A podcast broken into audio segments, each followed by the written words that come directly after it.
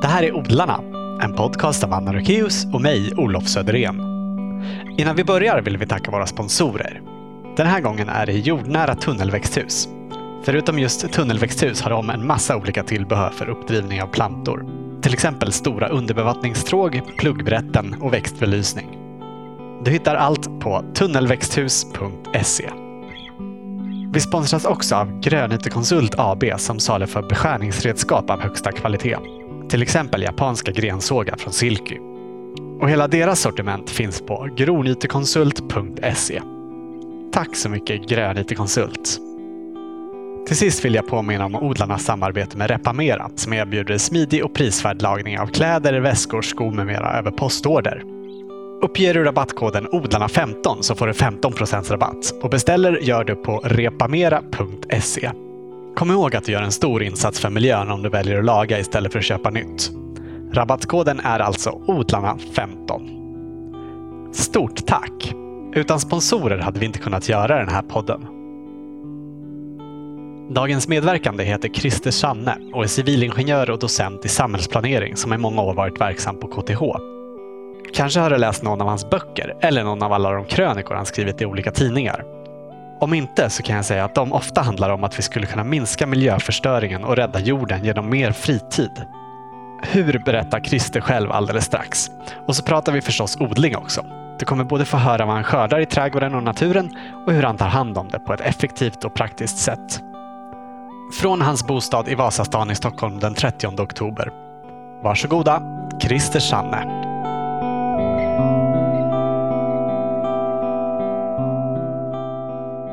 Vill du börja med att berätta vad du odlar? Jag har ett litet torp i norra Västmanland och där har jag en väldig massa bärbuskar av olika sorter. Ja. Och de månar jag om och försöker få ge så mycket som möjligt. Och sen har vi trädgårdsland, bara normala saker, potatis och dill och morötter och allt det där. Det är vad jag odlar ungefär. Men sen är jag ju intresserad av att plocka det som naturen kan ge om man inte behöver odla. Ja, vi ska såklart eh, komma in på det också lite senare. Men vill du berätta mer om bärbuskarna till att börja med? Bärbuskarna? Hur många är det? Det är 20 stycken ungefär. Ja. Och de är det är roligt att försöka sköta dem och se hur, hur ska man få dem i rätt form. Och Jag önskar att jag hade någon expert som kunde berätta för mig om man ska glesa ut mer eller mindre och sådana där saker. Men, ja, hur gör du? Jag bara försöker på sunt förnuft, men jag skulle gärna vilja ta dit en expert då, som kunde säga om jag är rätt eller inte. Ja. Jag är ju i grund och botten ingenjör, så jag vill ju gärna göra saker praktiska och göra dem lättbearbetade och sådär. Så det är något som jag ja, tänker på ständigt, ja. att få det, få det lättskött. Vad är det för olika bär du har? Ja, det är krusbär och, uh, vinbär, röda, svarta, vita vinbär, Eh, jag gör faktiskt eget vin utav de vita vinbären, det är det jag har det för. Aha. Som jag sen lagrar i min jordkällare. Ja, du har jordkällare där på landet? Ja. Det, det är ett gammalt torp eh, som vi köpte mer eller mindre haphazard, eh, men som vi har blivit väldigt förtjusta i. Vi har haft det i 40 år nu. Och då ärvde vi med alla, de bara hade lämnat med en lada som är 19 meter lång och där fanns alla jordbruksredskap, alla, alla spadar och, och grepar och allting som skulle vara till. Det är ganska roligt att bara kliva in i någon annans fotsteg. Det var bara att sätta igång och ta Precis, över, liksom. precis. Och sen finns det då massa pioner och sånt där som och sen kom de gamla ägarna som var ett väldigt rart par och uh, tittade till att vi skötte pionerna väl. Och... Ja, var de nöjda med De var väldigt förtjusta och vi var väldigt förtjusta i dem. Ja. Och de hjälpte oss liksom, lite grann in i bygden också träffa. Man förstod vilken, vilken bygd man hade hamnat i. Hur kom det sig att ni hamnade just där? Ja, det var en rolig slump bara. Vi hade väl haft lite vaga tankar på att köpa något hus men inte alls, inte tittat eller någonting. Men så ringde någon människa och sa, är du Sannes pojk? Ja, det sa jag, det, är jag. Ja, det är stuga till salu här. ja, men då kommer jag titta på den, sa jag. Så blev vi förtjusta i den. Och så köpte vi den. Ja. Vi har aldrig tittat på någonting annat. det var en full träff direkt. Ja, det var en full träff direkt. Den ligger mitt ute i skogen. Och eh, med, runt omkring, med skog runt omkring. Och, den här mannen som hade ringt, han, han kom sen och, och, hjälpte oss. Och vi behövde resa upp ett gammalt uthus som hade rasat men då hjälpte han oss att uh, han gick runt i skogen med sin nyopererade höft och käpp och så pekade han på några tallar och sa den där kan du ta och den där kan du ta. Och så åkte vi till bondsågen, ja, tog vi ner dem och så åkte vi till bondsågen och, och sågade upp och sådär. Så man kommer in i en helt en annan bygd än, än att bo i storstan. För du, du kommer från Stockholm? Jag kommer från Stockholm. Ja. Hade trädgården eh, i sig någon betydelse för att ni föll för just eh, det här torpet? Nej, det hade det inte, utan det har vi, det har vi byggt upp nu under åren. Mm. Men just i år har vi gjort ett stort inlägg för att vi börjar inse att vi börjar bli så gamla så vi kan inte sköta en trädgård på marken längre. Det blir för, vi för stela i knän och allting sånt där. Så nu har jag byggt om och, och gjort sådana här upphöjda bäddar. Aha, med ramar? Typ, eller? Ja, just det. Ja, det är ju praktiskt. Slippa krypa på knä. Ja, det ska bli nytt för i år, för nästa år. Ja. Är din fru också intresserad av eh, trädgården och det här att odla och göra saker själv? Jo, absolut. Väl, hon har väl egentligen skött grönsakerna och jag har skött buskarna. Och så går vi tillsammans ut i skogen och plockar svamp. Ja. Eh, för oss som odlar ätbara saker så gör ju skörden att vi behöver köpa mindre mat, om än i väldigt olika grad. Och Vissa jobbar ju på att bli mer eller mindre självförsörjande och eh, kanske minska på mer konventionellt lönarbete. Just det där med eh, minskad arbetstid, vad det kan göra för oss och vårt samhälle, det är ju det som du har forskat mycket i. Det stämmer. Vill du berätta lite vad du har kommit fram till? Ja, det beror på vilken ända man ska börja. Men jag gjorde en gång, jag var med en gång i en framtidsstudie som handlade om hur mycket uh, det handlar om vård och omsorg, hur vi ska klara vård och omsorg. Och det är väldigt arbetskrävande. Och då började vi fundera på, räcker arbetskraften till för det här? Mm. Det var så det började för dig? Liksom. Det var så det började för mig, ja. Just det. Och när, det var, när var det ungefär? Det var omkring 1980. Mm. Så att eh, då började vi liksom fundera på vad är det som händer kring arbete och arbetskraft och, och hur mycket behöver man arbeta egentligen? Och, och, och sen har det där blivit någonting som jag har jobbat med genomgående. Alltså hur mycket ska vi Ja, det, det blir väldigt grundläggande. Hur, vilken levnadsstandard ska vi ha? Hur mycket behöver vi arbeta? Vi blir ju effektivare och effektivare varje, hela tiden med vårt jobb och då producerar vi mer och mer. Och någonstans kunde det ju räcka kan man tycka. Och det har ju en del berömda ekonomer också varit inne på. Jag har skrivit en bok som heter Keynes barnbarn. Och det beror på att Keynes en gång skrev en liten essä där han sa hur, hur ska det gå för våra barnbarn? Och kom fram till att de skulle säkert inte behöva jobba så mycket för att leva upp till en, en rimlig levnadsstandard. Han sa till, till och med att de skulle nog inte behöva jobba mer än 15 timmar i veckan. Och det skrev han 1930 och så började jag tänka efter att Keynes barnbarn, ja men det skulle ju kunna varit jag. Mm. Men banne jag har inte jobbat några 15 timmar i veckan utan vi har tagit ut det i form av ökad levnadsstandard. Och vad har den levnadsstandarden lett till? Jo, en förfärlig miljöförstörelse. Och det var jag inne på redan i mitt jobb på, på 60-talet. Så, så gjorde jag undersökningar om liksom, miljöfrågor och hur vi ska lösa miljöfrågor och sånt där i mitt första jobb. Eh, så då blev det rätt naturligt att kombinera de där sakerna. Varför producerar vi så mycket när vi bara förstör miljön med det? Och bästa sättet att lösa det vore väl att jobba mindre, man får tjäna, tjäna mindre och sen så eh, räddar man världen på det sättet. Mm. Så sen dess har jag hållit hundratals föredrag som går ut på ungefär att jobba mindre, rädda jorden. Så lite ifrågasättande av tillväxt kan man säga? Det kan man absolut säga. Det är klart att tillväxten räknas ju på hur mycket vi jobbar så att det, det blir ett ifrågasättande av tillväxten, ja. Mm. Det var faktiskt eh, efter att ha läst vad du skrev som jag började tänka på det här med att eh, dra ner på arbetstiden och delvis då för att jag ville lägga mer tid på att odla själv. Många som ägnar sig åt eh, downshifting ser odlandet som en del i att eh, kunna jobba mindre. Tror du att det kan bli liksom en, en positiv spiral som kan ta oss i rätt riktning? Jo, men jag är ju eh, optimist nog att tro att om vi skar ner på arbetstiden så folk upplevde att man hade mera tid så skulle man också vara mer benägen att eh, odla, att cykla istället för att åka bil, att göra alla de här sakerna som man nu kan säga, det hinner jag inte. Det, jag, tror att det finns ett, jag tror det finns en stor glädje i att odla själv. Så att det skulle växa på det därför. Ja. Jag menar, alla dessa villatomter som, som har vackra blommor och buskar och, och inte odlar någonting trots att de har marken. Man borde ju fråga dem varför de inte odlar mer. Men jag tror man skulle få svaret att vi, vi har inte tid. Mm. Jag räknar lite på det här någon gång. Om, om, det finns ju väldigt mycket villatomter och väldigt mycket mark så klart att folk skulle kunna odla väldigt mycket mer än de gör.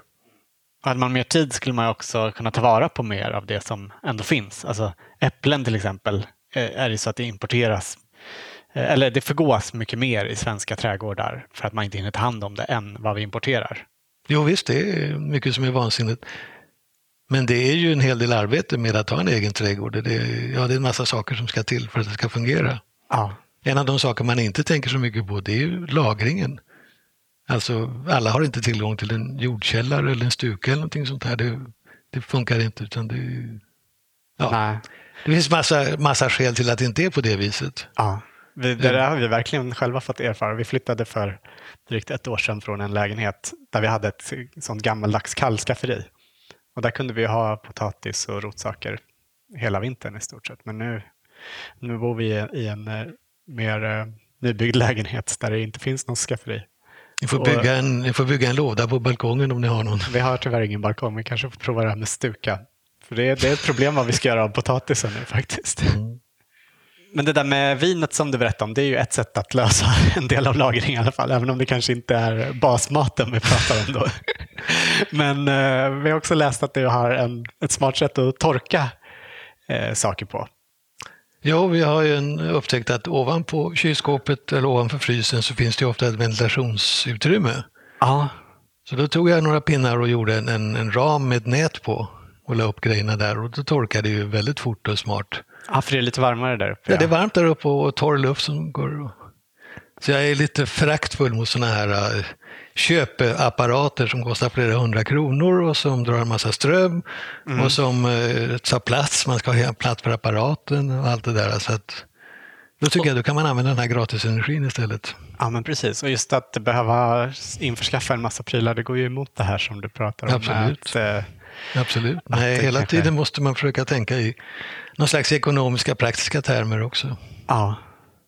Har vi läste om eh, ett annat sätt att torka Karl Johan-svamp som du hade testat som inte var så himla praktiskt. Alltså man får, det finns ju vimla av massa råd hur man ska bete sig. Jag tror jag har läst de flesta nu. Jag har hållit på med det här i över 30 år och funderat på de här sakerna. Och eh, där finns också sådana här förslag om man ska trä upp, man skivar Karl Johan och så ska man trä upp dem på, på en tråd och torka dem på något sätt. Men det är absolut ingenting för mig. Det skulle jag aldrig stå ut med att göra. Nej, Utan det måste, det, för, det måste vara praktiskt. Ja. lättare att lägga dem eh, på det där nätgallret över kylen. Då. Ja. Jag läste också att du har ett eh, bra knep för att få plats med eh, mycket i frysen. Ja, jag tycker det är kul med sådana här knep. Vi använder, vi klipper ner mjölkkartonger beroende på hur mycket man ska förvara och så stoppar vi ner en plastpåse där och sen eh, fryser vi det. Då blir det fyrkantigt och då kan man stapla det lätt. Ah, istället för att ha sådana där oformliga påsar? Istället som... för att ha påsar som flyter ut åt alla olika håll, ja just det. Ja, det är smart. Och sen kan man eventuellt ta ut ur den där när det har frusit också. Så då, ja, då får vi fram in, in mycket i frysen, det, det kan behövas. Ja, och så, det, det, det är tips jag ska ta till mig, för det brukar vara mer eller mindre kaos i vår frys efter en odlingssäsong. Eh, men om vi återgår till det här med eh, minskad arbetstid. Det finns ju eh, många som menar att det är liksom en ny teknik som ska lösa miljöproblemen och att det är det som ska minska vår negativa påverkan på miljön. Nej, det är bara, det, det, tror jag inte på. Alltså det, det behövs naturligtvis ny teknik och man ska välkomna tekniken men, men det kommer aldrig att lösa problemen. Alltså vi, vi måste ta ett mycket grundligare tag i den här frågan. Mm. Nu är den ju, just i dagarna är den ju väldigt aktuell med den här nya IPCC-rapporten som pratar om en och en halv grad och två grader och så vidare. Alltså det, det är verkligen ett väldigt allvarligt läge. Jag har undervisat om det här i, i sen början på 90-talet. Eh, jag gav ut den här boken som heter Keynes barnbarn för 12 år sedan någonting. Och, och skrev om ungefär vad jag hade undervisat om. Jag, jag är inte nöjd med den i den meningen att jag tar det alldeles för lätt där. Jag tycker att man kan göra vissa förändringar i livsstil. Sen efter några år så skrev jag en ny bok där jag återigen visade att det går inte på något annat sätt än att skära ner i hela ekonomins storlek och omfattning. Alltså vi kan inte producera saker utan att det gör avtryck på, på jorden, utan att eh, vi förstör någonting. Mm. Så att jag skulle liksom skärpa tonen och säga att det är verkligen allvar. Det gjorde jag den boken, den heter helt enkelt Hur ska vi leva hållbart 2030? Och det är ett sätt att sätta siffror på de här sakerna och att vi, vi visserligen måste ha en accelererad förbättring av miljön och leva smartare och spara, ja allt det här cirkulära och alltihopa. Men att därutöver så måste vi också banta i ekonomin, banta ner. För det är ett så stort problem. Men där stöter man ju också på förskräckligt motstånd. Alltså det, går, det är, mentalt är det så svårt att tänka sig och, och politiskt är det impopulärt och, och folk är ovilliga att tala de banorna. Så jag är bara förvånad över hur, hur svårt det är att komma någon vart. Ja. Jag har nyligen till exempel råkat ut för, man har anordnat uh, stora nationella konferenser om hållbar livsstil. Och då sa jag till dem att nej, men, hållbar livsstil, det måste väl betyda att man ändrar sitt, det mönster man har när man arbetar också. Nej, nej, nej, nej, sa de. Det är en annan fråga. Det tar vi inte upp här. Mm. Det ska bara handla om, om det uthållighetsmålet nummer 12 den här gången, uthållig konsumtion, så då kan vi inte prata om arbetstid. Nej. Och så, så här stuprörstänkande finns alltså fortfarande Aha. på högsta nivå. Men om, man, om vi hänger oss kvar lite vid det här med eh, ny teknik som vissa då hävdar skulle lösa problemet. Du pratar om något som du kallar rekyleffekten. Det är väl det som också brukar kallas Jevons paradox. Ja, just det. Berätta, vad är det? jo, men det är ju det här att, att uh, det är ekonomin och folks sätt att se på ekonomi som styr väldigt mycket. Om du, du har en, en, jag brukar använda det exemplet, du har en gammal bil som drar en massa bensin och du kör tusen mil med den per år. Och så byter du den mot en annan bil som är mycket energieffektivare. Då sparar du en massa bensinpengar. Mm. Och vad gör du med de pengarna för någonting? Antagligen kör du längre. Mm. Eller det, det, det, är det som kallas, det är det som kallas rekyleffekten. Det är liksom grundidén om rekyleffekten. Och sen kan du ju se det där i, i lite mer stort och säga att ja, men jag kanske inte kör längre utan jag kanske kostar på mig en flygresa till eller jag kostar på mig någonting annat. Så varje sån där besparing innebär att man får någonting över och då måste man se att man inte använder det på något som är värre ur miljösynpunkt. Mm. Och det allra bästa tycker jag då, det vore ju att man omsatte det i fritid, att man inte jobbade så mycket utan man aldrig tjänade de där pengarna. Mm. För min föreställning är ju att det finns massa människor som har svårt att få ekonomin att gå ihop. Men det finns ännu fler människor som egentligen skulle klara sig med mindre, men som inte har föreställningsförmågan eller inte tycker att, de, att det i deras liv är möjligt att ändra på den här stora grejen, 40 timmars vecka eller något sånt där. Va? Och då använder de istället pengarna på en massa annat. Och en del av det är väl ofarligt. Att gå och klippa sig är kanske inte så farligt, eller sköta sitt hår kanske inte så farligt miljömässigt. Men, men att flyga till Thailand är det definitivt. Mm. Så det är ingen, man ska inte hymla med att, att jobbar vi mindre så måste vi tjäna mindre. Och då har vi också mindre att spendera på onödig konsumtion. Mm. Men det är den sortens liv som jag får sväva med. Men då får man nästan alla emot sig. Va? Även om man själv använder pengarna till något som man inte tänker är skadligt som tjänster, alltså att klippa sig eller ja, så, så har man ingen kontroll över hur, hur de används i nästa led eller efter det. Pengarna finns ju liksom i, i omlopp då. Förr eller senare gör de förmodligen skada någonstans. Alltså på ett sparkonto på banken eller i en fond så kan de också bidra till att skada miljön. Ja, du, du, om du har mera pengar än du tycker att det är lämpligt att konsumera så vill du kanske använda någonting annat. Men jag är förvånad över att det finns så få möjligheter, alltså dålig fantasi när det gäller att hitta något ställen där man, kunde, där man tror att de där pengarna kunde göra nytta och ändå finnas kvar så att säga. Mm. Men så för att undvika rekyleffekten så kan vi använda den moderna tekniken för att göra saker effektivare, men vi måste begränsa produktionen så att den inte blir större och därmed jobba mindre. Ja, just det.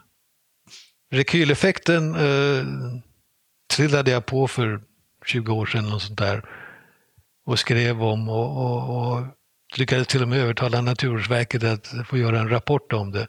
Men jag tror att det är en av de minst förstådda frågorna och som man verkligen borde fundera mycket mera på. Och man kan utvidga den på olika sätt. Alltså dels prylar och sånt som vi pratat om, men också det här med, med hur mycket ska jag tjäna och vad, vad är det för mening med att jobba när jag inte behöver pengarna som jag har jobbat ihop. Mm.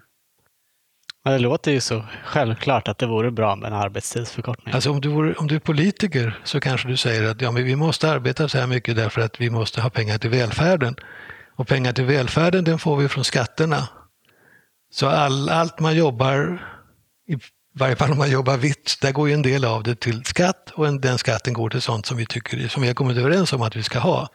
Men sen, allt går ju inte till skatt och vi skulle egentligen behöva höja skattesatsen.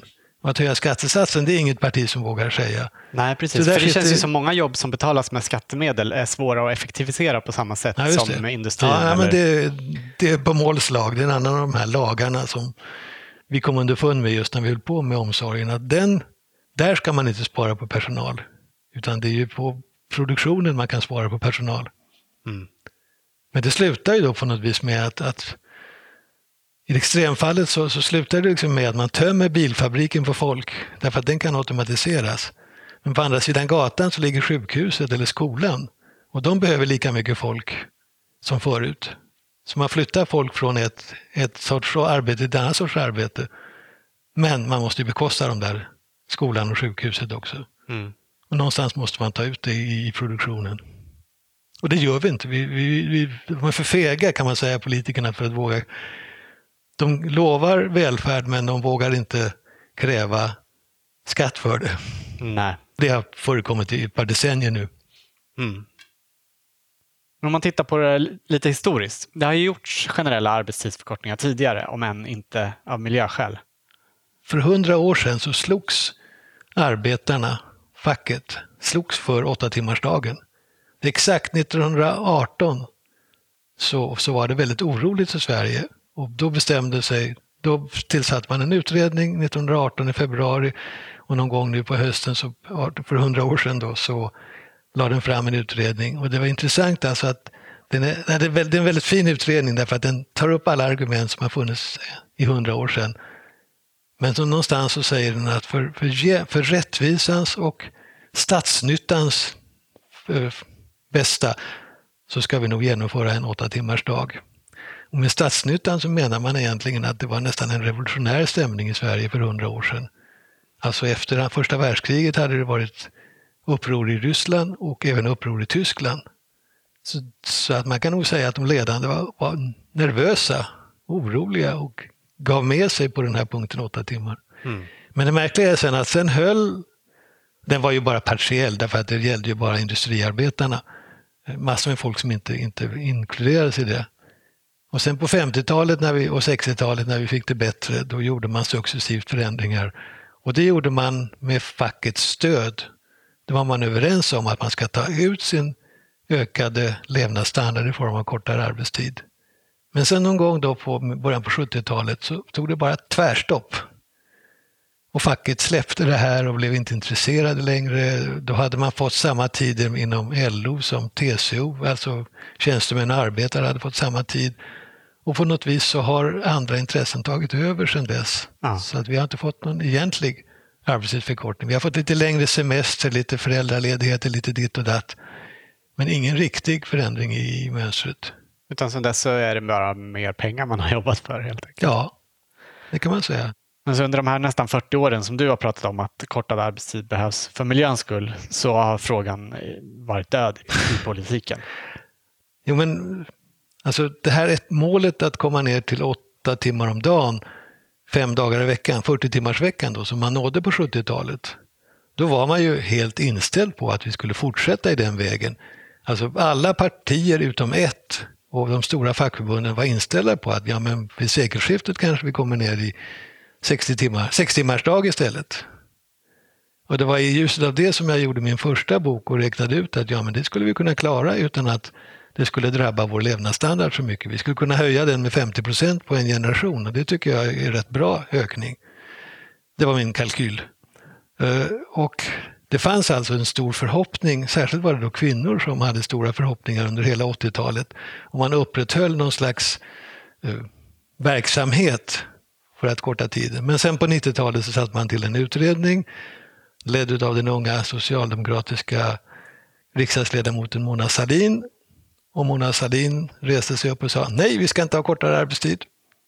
Det har vi inte råd med. Trots att vi kommer att få tillväxt även med kortare så ska vi inte göra det. Och hon fick ju väldigt mycket stryk för det. Det, var ju, det blev väldigt, väldigt många som var besvikna.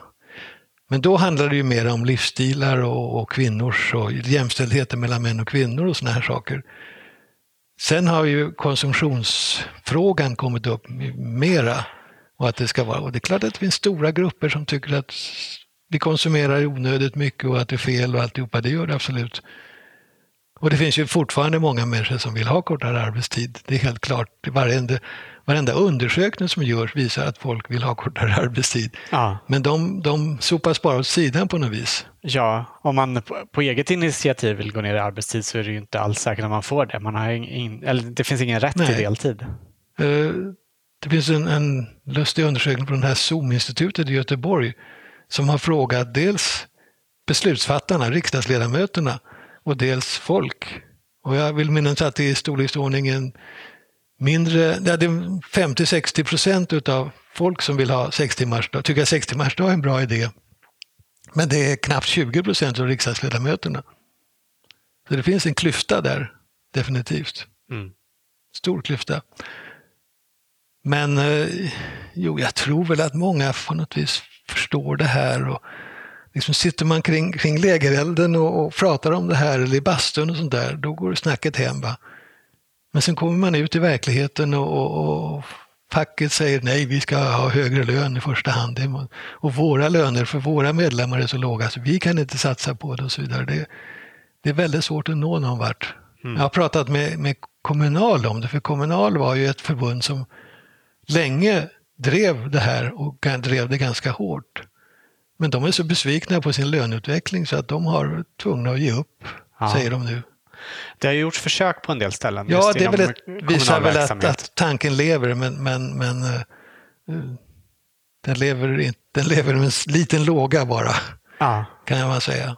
Man kan ju också diskutera liksom vilka, jag, när jag höll på med de här uh, stora statistikmaterialen så tittade jag lite grann på vilka som verkade ha den tyngsta arbetsbelastningen. Och då pratar man både om fysisk belastning och psykisk belastning.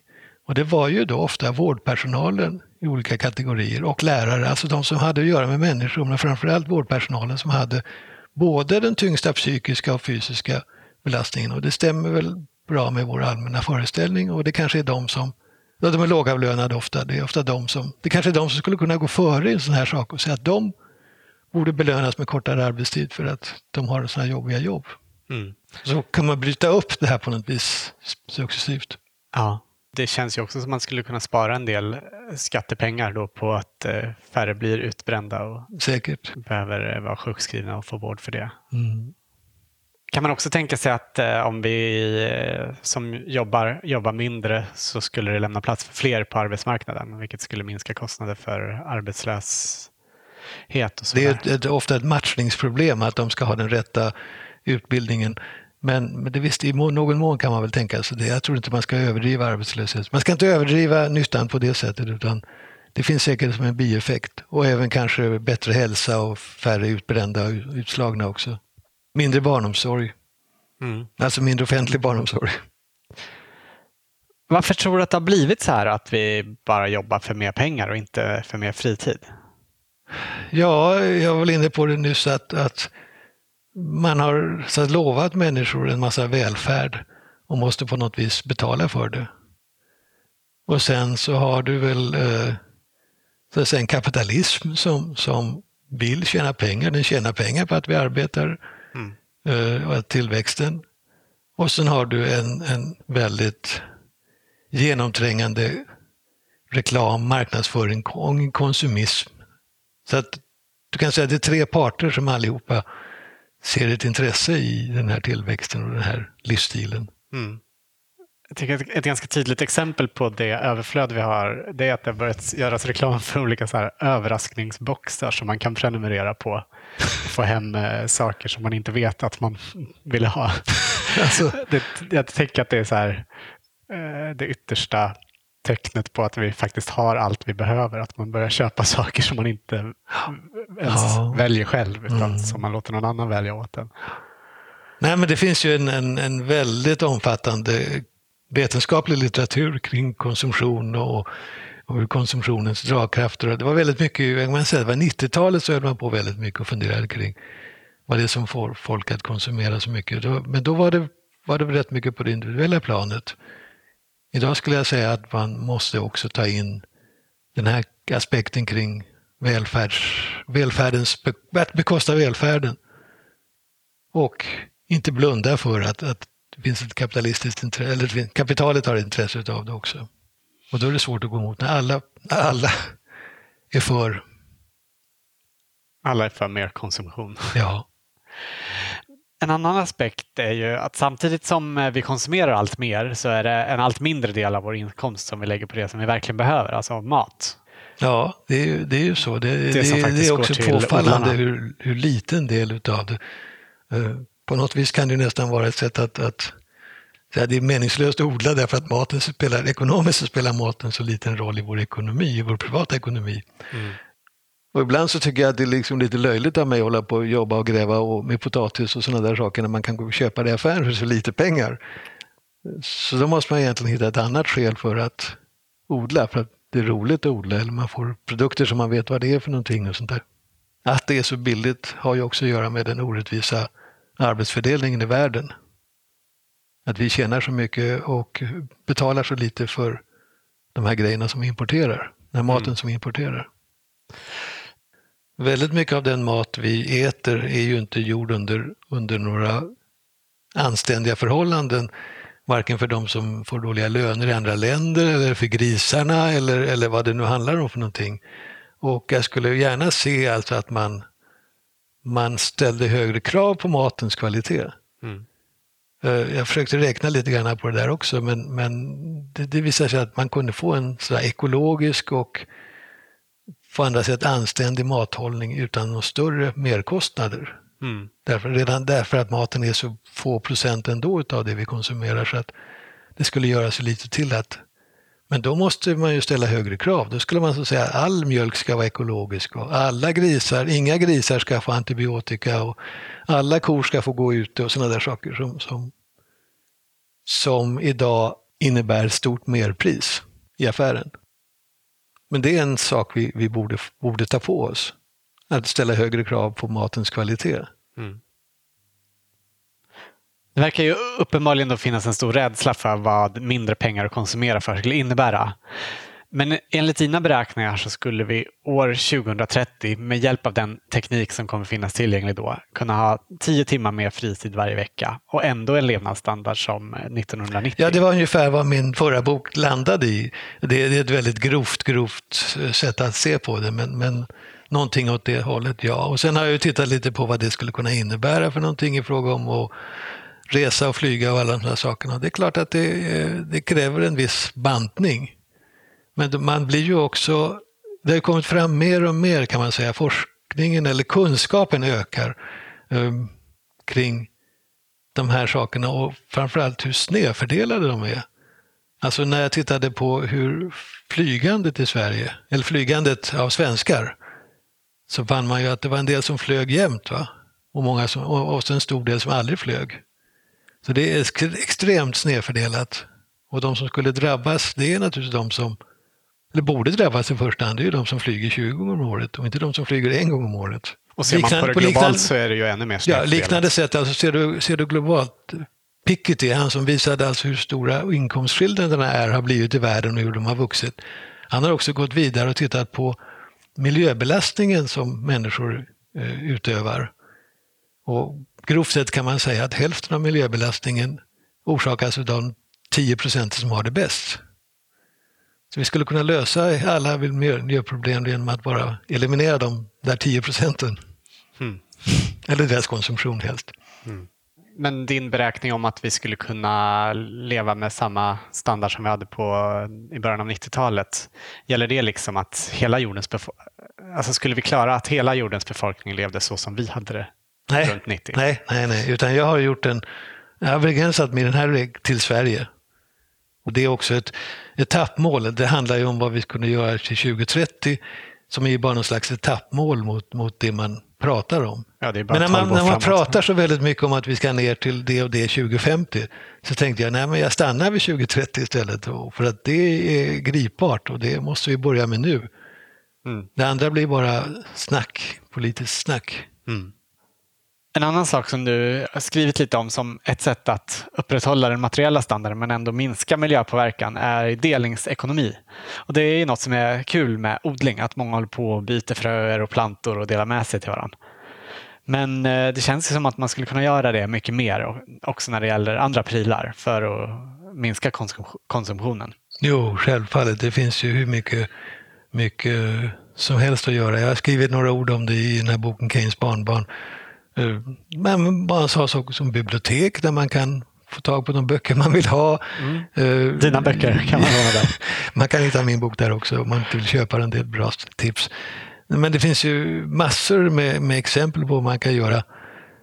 Det finns en, en studsmatta här i parken i närheten där man kan studsa. Istället för att varje familj i varje villa skaffar sin egen studsmatta så kan man gå till en lekplats där det finns en studsmatta så kan man hoppa på den. Mm. Och en tredje sån här grej i delningsekonomin. Det är roligt att få ge bort små plantor, pelargonplantor och allting sånt där. Eh, och det är roligt att ta emot och det är roligt att få ge bort den. Och så delar man dem och sen så skapar man dessutom sociala band. Hur går din pelargon som du fick? Eller din pelargon som du gav mig, den tål jättebra. Du, du binder ihop människor på det här viset också. Så att det finns precis lika väl som dela fröer och plantor till trädgården så finns det krukväxter och det finns, ja, det finns väldigt mycket att göra. Ja. Med lite fantasi. Ja. Eh, du sa ju att eh, miljöengagemanget fanns med dig redan när du började tänka på det här med arbetstidsförkortning. Har du alltid varit intresserad av miljöfrågor? Ja, jag har varit intresserad av samhällsfrågor och eh, mitt första jobb var på en, en konsultfirma och, och jag jobbade med trafik och bilar och det var alltså på 60-talet. Och då, var ju liksom, då exploderade ju bilparken i Sverige så att vårt största bekymmer var liksom att få se att bilarna kunde komma fram på något vis. Men jag började ju snabbt tänka att nej, men det måste ta slut någon gång. Det, här, det, det, finns, det måste finnas ramar för hur mycket det här kan gå. Och då på 60-talet så vaknade också miljörörelsen. Då var det mycket gifter och, och, och sådana saker, men, men den har ju så gamla anor. Så att jag tänkte ju mycket snabbt då om bilarnas vad bilarna skapade för miljöproblem och sen fick jag uppdrag av den här firman att göra en, en rapport som heter, kommer att heta Framtidsmiljö. Därför att då börjar man tänka på, det fanns något som heter framtidsforskning från USA. Att man skulle kunna på något vis verkligen föreställa sig framtiden och, och rationellt fundera kring hur den skulle kunna bli. Det passade ju mig som var samhällsplanerare att tänka i de banorna. Så jag fick hjälp av alla experter på den här firman som omfattade alla områden och vi gjorde en, en bred överblick över liksom, vad är problemen med luft och vatten och, och, och trafiken och bygga, stadsbyggandet och alla de här sakerna. Och jag krävde också att allihopa skulle ge kostnadsuppgifter så att vi gjorde en, en kostnadskalkyl och räknade ut vad skulle det kosta att genomföra alla de här sakerna som fanns då på dagordningen. Och det var ju inte mycket visade sig. Det var ju en någon procent på BNP eller någonting sånt där. Mm. Och BNP växte ju så med flera procent om året så att det var väldigt, väldigt marginellt. Sen när jag tittade på det här i somras igen så, så insåg jag att vi har ju faktiskt gjort väldigt mycket av de här sakerna. Alltså vi har ju kostat på oss reningsverk, vi har kostat på oss vi gräver ner bilarna i jätte, jättedyra tunnlar och sånt där för att klara miljöfrågorna. Så att vi kostar ju på oss en hel del av det. Så att vi, vi, men däremot kan man säga det att samtidigt så växte ekonomin hela tiden, konsumtionen växte hela tiden och på något vis så växte de här problemen i, eller vi, de, vi, vi växte ur den här kostymen ändå så att vi fick tillbaka en annan slags miljöproblem. Mm. Om ekonomin då har kanske tredubblats sedan den här tiden och det har gått till konsumtion så, så förstår man ju att det, inte, det räckte inte till. Nej. Det är väldigt intressant att klimathotet, jag har tittat lite på det nyligen, eh, man pratade väldigt lite om klimathotet på den tiden. Jag gick igenom den här skriften och den, där står det några ord om att det kanske kunde vara farligt. Och en av de som skrev en av de mest omskrivna böckerna från den där tiden som heter Svält, plundring och förgiftning. Han skriver också bara några rader om det och till och med de här som höll på med framtidsstudier var också väldigt försiktiga. Dels inte förrän på 90-talet kan man säga som klimatfrågan har blivit den här stora frågan, den som, som, man, som överskuggar alla andra frågor. Nej. Jag försöker att lyfta fram och säga att du har avskogning och du har utfiskning och du har ökenspridning och du har alla de här problemen som vi också borde ägna oss åt. Just idag när vi skriver det här så kommer ju Världsnaturfondens nya Living Planet-rapport. Om alla rovdjuren? Eller ja, precis. Jag har inte hunnit däggdjuren. läsa så mycket av den, men det var nej, på det, nyheterna om just nej, är, förskräck, av däggdjur. det är förskräckligt. Ja. Och, och, när jag undervisar så brukar jag visa på hur jordens befolkning har först i hundratusen år varit stabil och sen plötsligt rusar den upp. Och så gör jag en pil visar i slutet på tavlan. Jag, jag, jag, går hela vägen längs tavlan hela föreläsningssalen och så visar jag på slutet en liten, liten bit där den sticker rakt upp i höjden. Mm. Och så säger jag, här är tre miljarder, det var då jag började här på KTH och nu är den sju miljarder. Mm. Så, så fort har det gått. Och samtidigt som vi har blivit så många fler så har vi också konsumerat mer per person. Ja, alltså bara påpeka, om nu befolkningsökningen har gått väldigt, väldigt fort i ett långt perspektiv så ska vi säga konsumtions explosionen är ju mycket, mycket värre. Alltså, det var ett tag då på 60-talet så kom det böcker som hette Population Bomb, alltså att vi, vi befolkningen exploderade och så var man väldigt orolig för det och sa att, sa att vi måste se till att inte de här avlar så mycket barn där nere i Afrika eller Asien. Men då sa ju de i Asien att herregud, ett, ett barn ifrån Burma eller, eller Kambodja kommer inte att producera mer än en femtiondel av vad ett amerikanskt barn konsumerar under sin livstid. Det är konsumtionen som är det viktiga. Det är mm. konsumtionen som är den stora grejen och där håller jag helt med om. Alltså det, den är flera gånger värre än befolkningsökningen. Ja. Eh, så ett miljöintresse fanns, men odlingen då? Hade du eh, själv odlat något innan ni skaffade ert torp? Nej, nästan ingenting. Inte. Var väl intresserad av naturen, och, men mera i så fall att gå och plocka ute i naturen och, och, och se vad, vad, vad, den kunde ge för någonting. Ja. Fanns det någon som odlade i din närhet när du växte upp eller så? Alltså, du hade, hade du det omkring dig på något Nej, sätt? Nej, inte på Kungsholmen i Stockholm. Där odlade man inte så mycket. Nej. Idag så odlar du som sagt, men i en krönika du skrev ganska nyligen så skrev du faktiskt att du är en motvillig trädgårdsslav. Du nämnde ju också tidigare att du skördar i naturen. Men i krönikan så skrev du då att nässlor passar dig perfekt eftersom du slipper både gräva, så, vappa och rensa. Jo, men så är det ju. Eh, jag tycker det. Dessutom har man ett uppdämt behov av att gå ut när solen börjar skina i april. Och, och jag är fanatisk när det gäller nässlor. Jag plockar så mycket nässlor så att jag kan dela med mig. Jag fryser det och har det hela vintern sen. Vad lagar du helst av nässlorna? Är det soppa? Oh. Eller? Ja, soppa är liksom bara förnamnet. Sen kan du ju ha nässlor till allting där du har spenat egentligen. Alltså du kan blanda in, du kan ha det till fisk och du kan ha det till pajer och du kan ha det till alla möjliga saker där du har. Eller en grön sås eller en grön sallad eller grönt, allt möjligt där du har spenat helt enkelt. Ja. Bara här i mina krokar där jag bor nu behöver jag bara cykla en liten bit så har jag hur mycket nässlor som helst. Ja, du plockar här i stan också? Ja. Och fläder, det är också det där som fläderblommor ja. och göra saft utav. Det är så otroligt lätt. Det är bara att plocka dem och, och ja, sköta dem rätt snabbt gjort. Ja, jag kan nästan känna mig dum ibland som håller på att lägga så mycket tid på odlingen när det finns så mycket att skörda i naturen. Ja, det kan man ju göra. Svamp har vi inte pratat om, men det, det har vi också gott om i våra skogar och det är ju fantastiskt. Plockar du mycket svamp? Tills frysen är full. har du några favoritsvampar? Ja, de som finns där vi bor. Alltså, det är ju så det blir. va?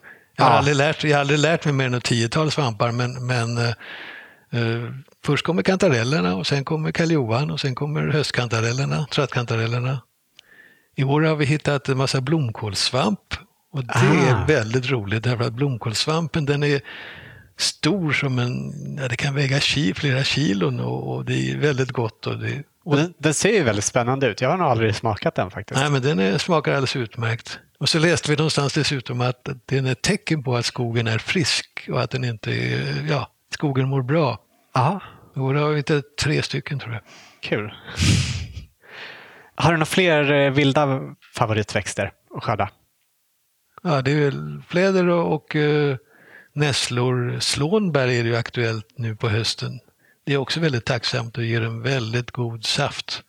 Ja. Uh, molla växte hur mycket som helst i somras för vi hade fått ett lass dynga och det växte molla överallt. Ja. Det, det räckte till för, och så växte det på åkrarna där det inte växte någonting annat, det växte det molla. Så vi, vi skördade molla så att det blev över att frysa till och med. Använder du det som spenat också? Ja. Och sen så läste vi någonstans att du plockar nypon. Ja, det har jag gjort ibland.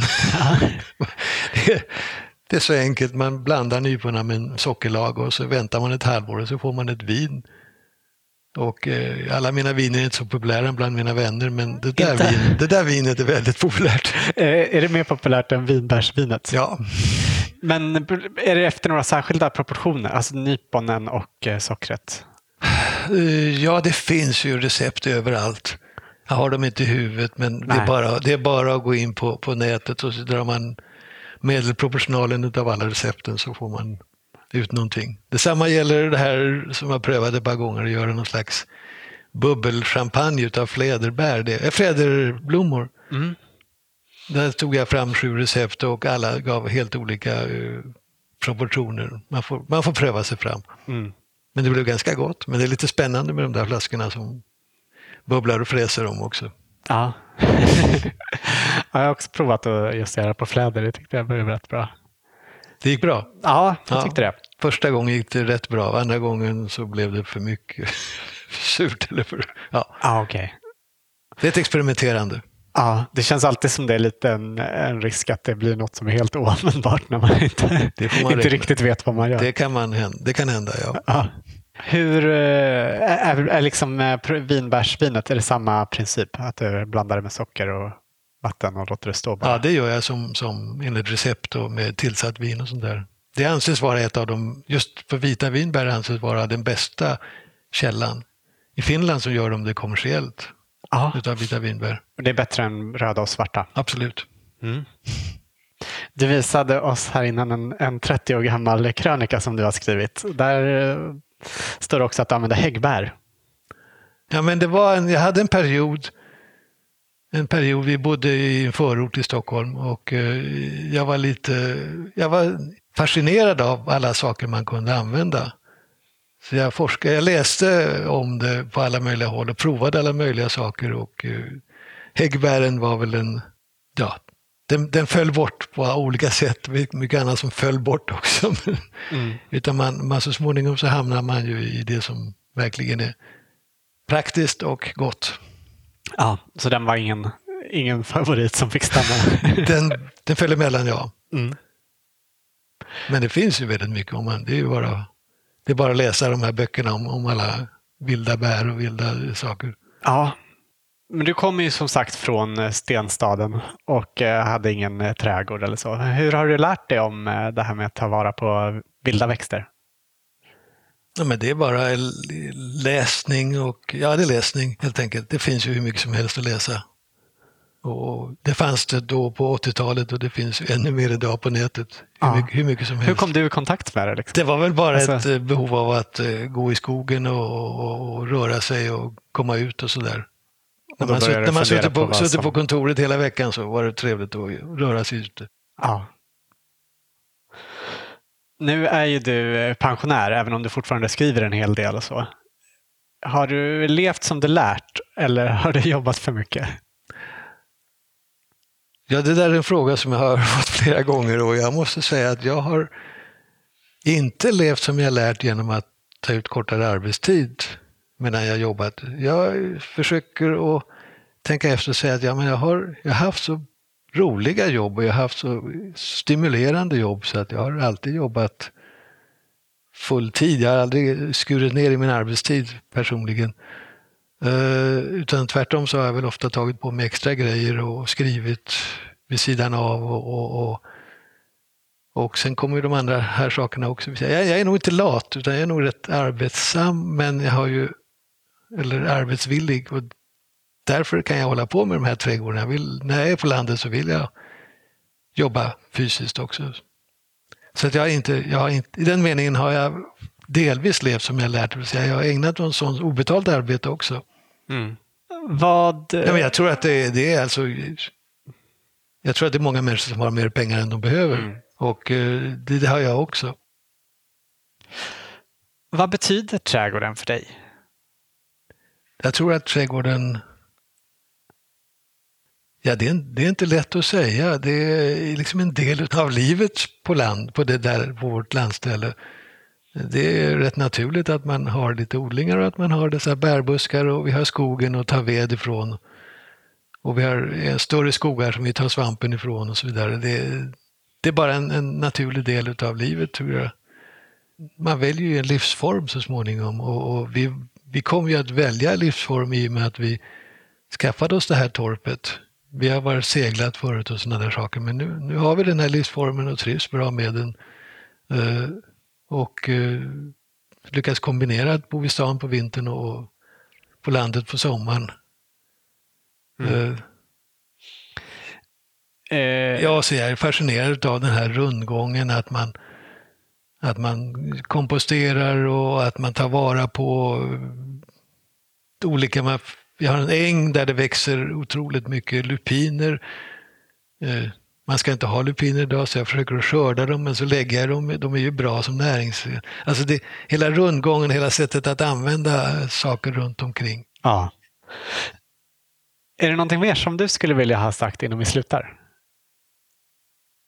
Nej, jag tror jag har sagt väldigt mycket kring det här hur, hur svårt det är att ändra de här mönstren som, som pressas på oss uppifrån och utifrån. Mm. Eh, jag menar, jag är djupt oroad över den utveckling som pågår, eller snarare jag är pessimistisk. Jag blir mer och mer pessimistisk allt eftersom åren går. Vi vet vad som skulle göras, jag har pratat om det, undervisat om det, jag har pratat om det. Jag tycker att folk lyssnar och säger det var väldigt bra att höra, men det händer ingenting. Så Nej. Det är väldigt bekymmersamt att politiken är så trög. Ja. Kan du liksom, hur orkar du fortsätta? Fast det inte direkt får något gehör politiskt. Ja, men hur mycket gehör får man? Hur mycket kan man förändra världen ensam? Jag är inte ensam, men det är ju massor med människor som tänker i samma banor och, och även om jag inte är organiserad någonstans så så, så följer jag med olika nätverk och sånt där. Det är klart att det finns massa människor som försöker påverka. Jag, jag kan inte tro annat än att polletten måste trilla ner någon gång att vi kan inte fortsätta på det här sättet. Nej. Men det var på KTH där du har jobbat, har du liksom känt att du fått eh, något genomslag för frågorna där eller har du fått efterföljare som har fortsatt forska om de här eh, frågorna? Det finns väl enstaka forskare som tänker i de här banorna, men som jag har sagt förut, det är någonting, det har gått något troll i den här frågan om att jobba mindre att, eh, och att sänka, alltså minska omfattningen på ekonomin eh, som gör att den är väldigt svår att hantera. Mm.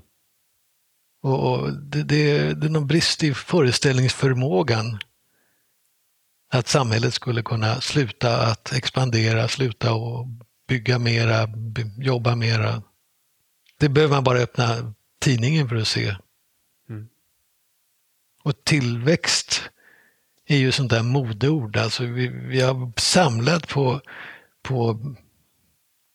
Eftersom tillväxt anses vara bra så finns det oändligt många som försöker haka på den, den, det tåget och säga att det här är bra för tillväxten.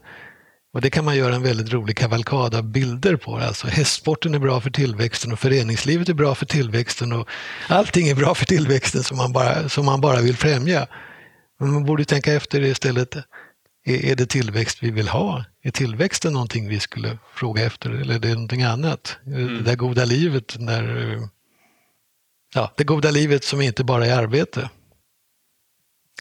Jag har, ni har säkert mött det här citatet, nu kan jag inte citera det, men, men eh, Wigfors var det som sa någonting att om människorna bara skulle jobba så är de ju galna. Vi ska ju dansa, sjunga, måla, vi ska ju njuta av livet. Men det är i alla fall en gammal socialdemokrat som sa det på den tiden. Ja, det känns ju långt ifrån den arbetslinjen som är så allenarådande i politiken idag. Men eh, vi är ju som sagt eh, många som gör förändringar på individnivå och det känns som att det eh, blir fler och fler som tänker i termer av downshifting och många flyttar på landet och jobbar på att bli självförsörjande. Men visst är det väl ändå så att det skulle krävas större grepp, alltså politiska förändringar för att det ska kunna få tillräcklig effekt? Mm. Jo, men de är ju kanske, ja, kanske inte föregångare, men de är i alla fall exempel på att det går att göra på andra sätt. Och eh, det, det är som du säger, det, finns ju idag en stor diskussion huruvida man ska sluta flyga och alla de där sakerna. Eh, och det kan man göra, men, men jag tror att det räcker inte, utan det, det måste till de där politiska åtgärderna. Och det, det är väl så det mest, mest frekventa idag, det är folk säger vi måste både vara, ändra vår livsstil och kräva de här politiska förändringarna. Det, det är väldigt inne att säga så. Men mm. vi har inte sett någonting av de politiska förändringarna.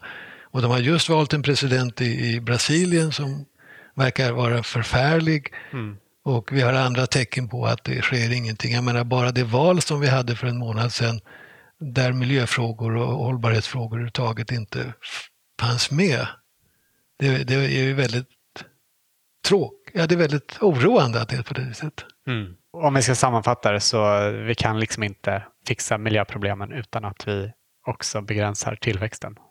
Eller utan att vi eh, jobbar mindre och producerar mindre. Mm. Jag menar, om, om, vi jobbar mindre så producerar vi mindre, så konsumerar vi mindre och, och förstör mindre. Så det bara att gå baklänges och säga, då slutar man i att vi behöver inte jobba så mycket. Nej. BN, BNP är alltså produktiviteten gånger antalet arbetade timmar. Produktiviteten går ständigt upp. Och då måste, om inte BNP ska öka och miljöförstöringen, då måste antalet timmar gå ner. Det är en enkel ekvation. Mm. Och, det, och det var egentligen, på sätt och vis så var ju det det budskapet som Keynes hade 1930. Aha. Att vi är ju inte till för att arbeta, vi är ju till för att leva.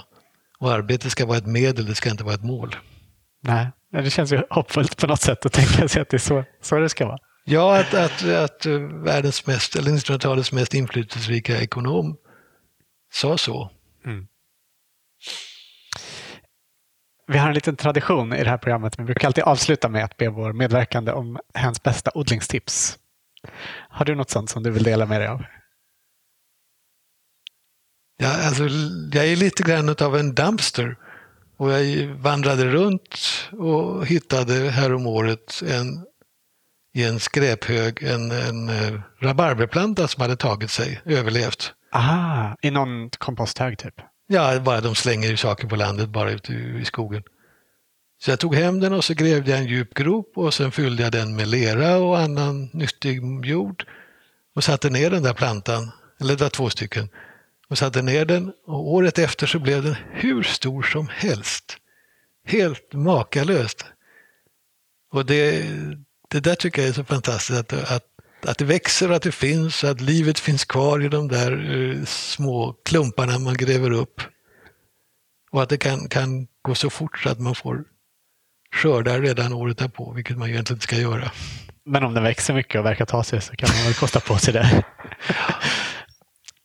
ja, nej, men det är, det är roligt att gå och leta i, i sådana här impediment och hitta gamla blommor, Gamla, jag har en fläder som jag också har planterat om som växte inom gammalt impediment.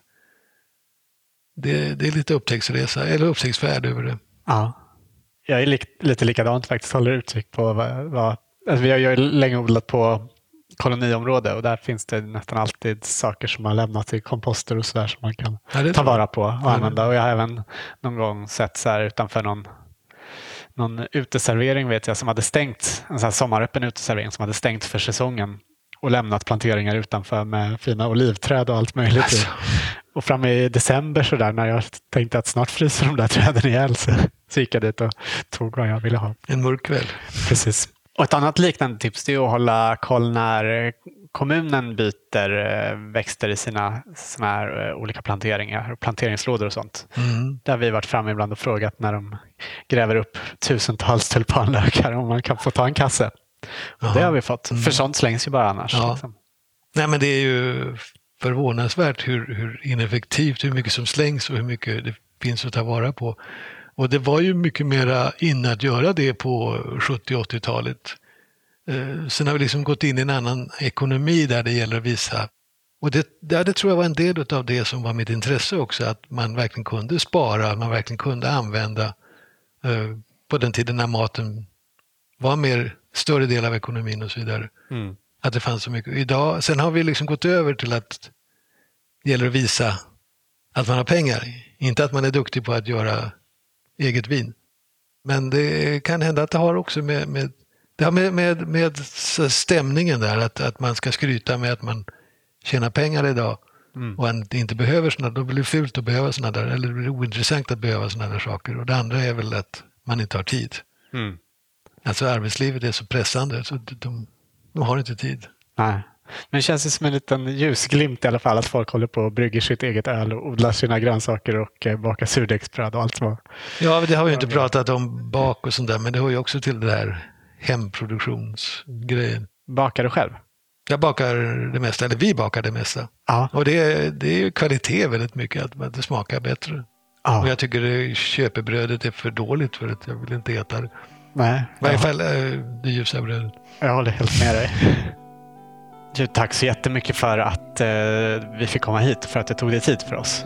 Det var trevligt att få prata om de här sakerna. De intresserar mig.